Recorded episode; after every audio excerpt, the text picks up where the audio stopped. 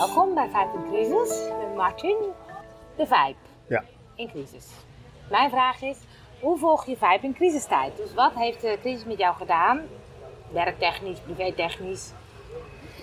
Nou ja, eh, dat heeft er wel ingehakt, want tenminste mijn hoofd- hoofdactiviteit is dus behoorlijk geslonken. Ja, Mijn hoofdactiviteit van het coachen van ondernemers en bestuurders.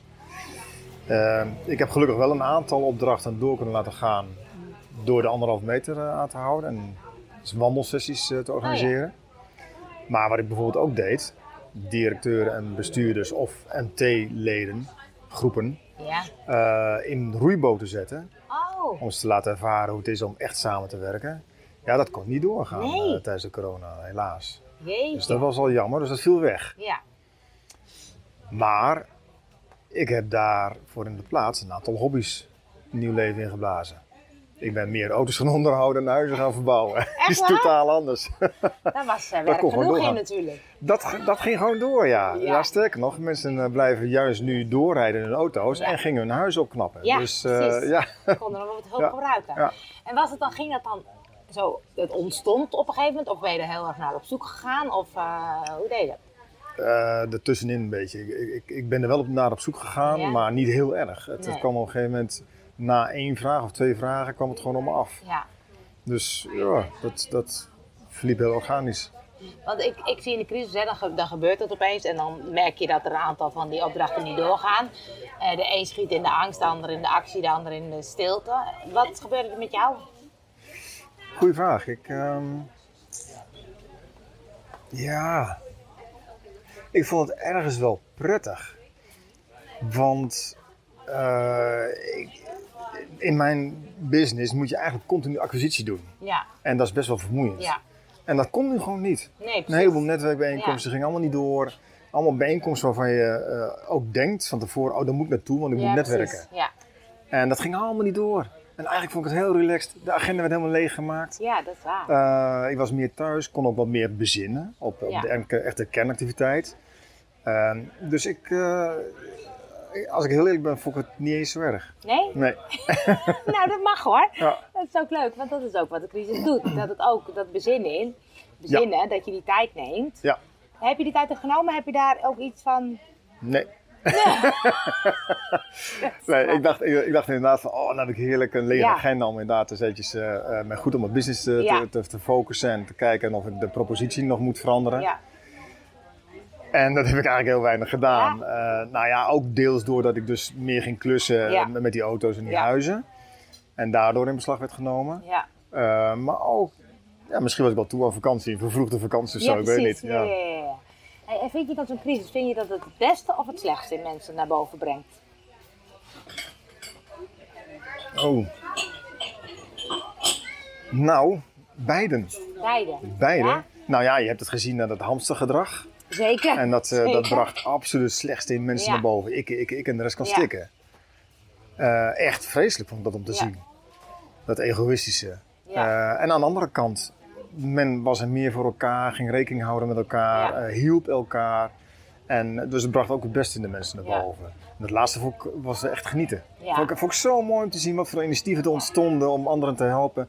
Websites die zich gelijk uit de grond werden gestampt. Ja. Ik weet niet eens, eh, heet het Nederland helpt elkaar of zo? Ja, voor elkaar of zo. Of zoiets, ja, geweldig. Dat, Ja. Dus het haalt ook de beste eh, Ja. dingen in mensen naar boven. Wat haalt het bij jou naar boven?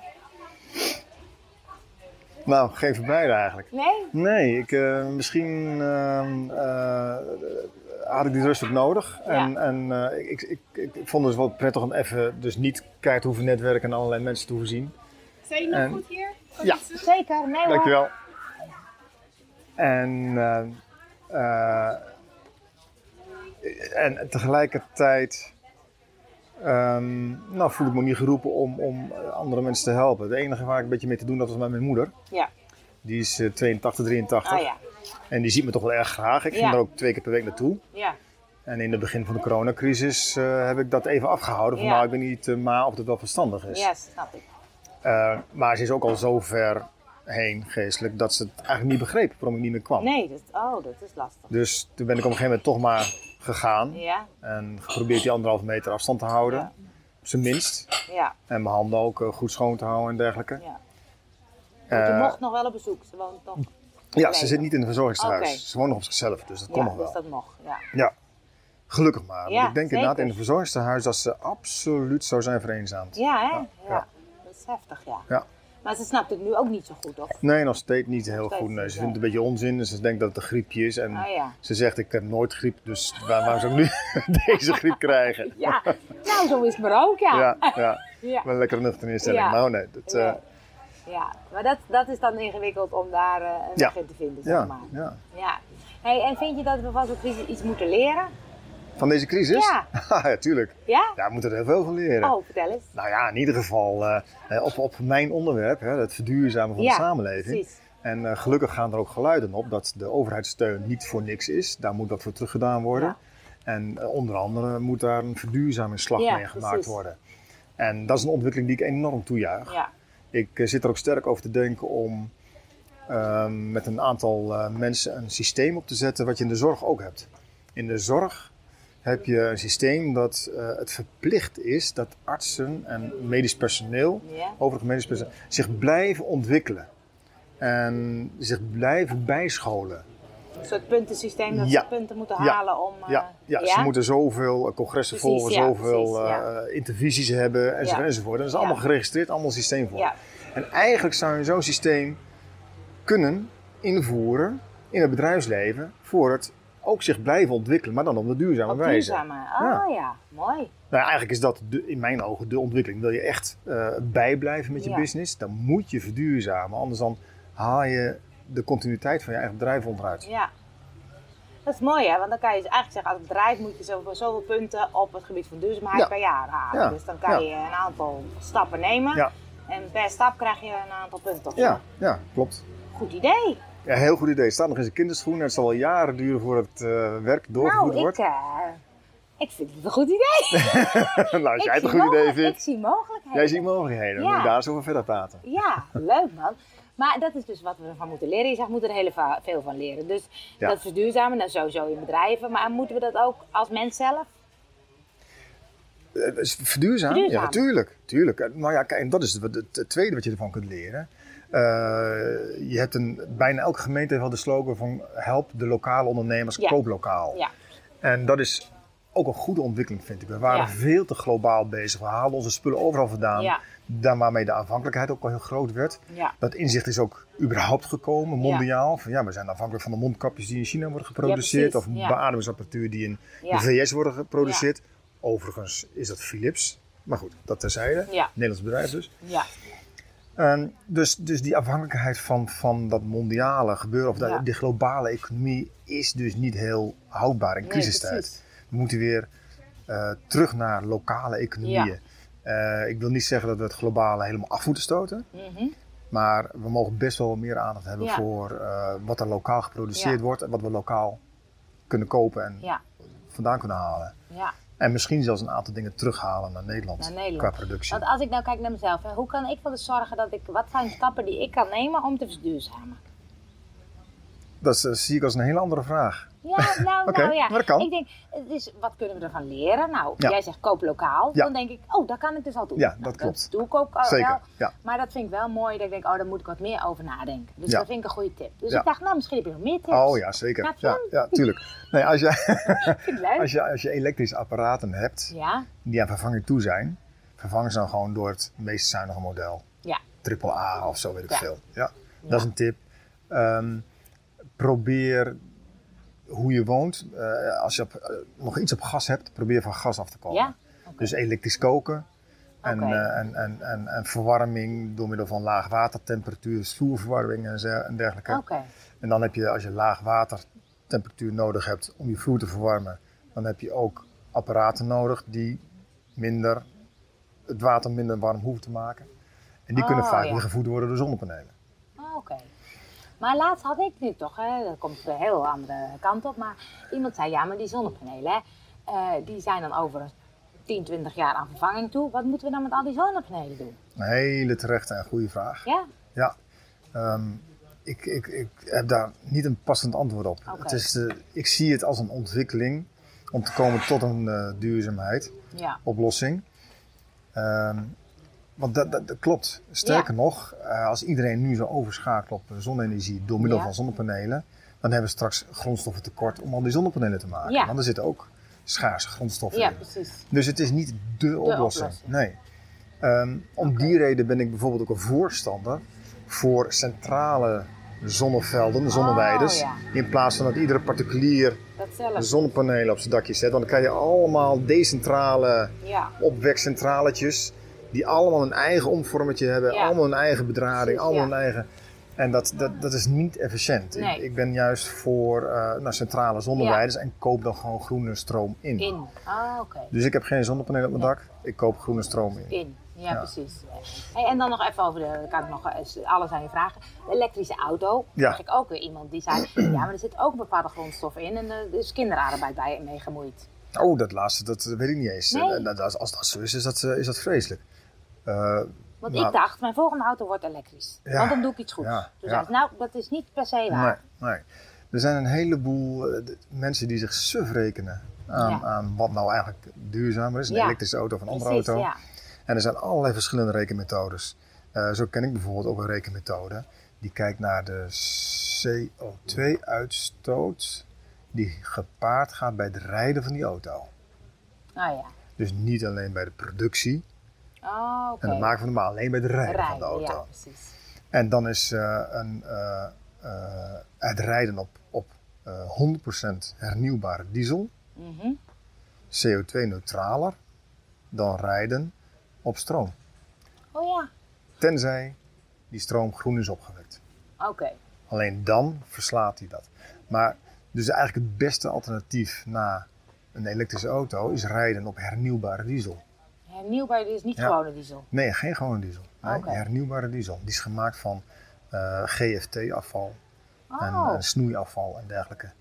Dus niet koolzaadvelden eh, of palmolie of wat dan ook. Ja. Nee, echt, echt afval.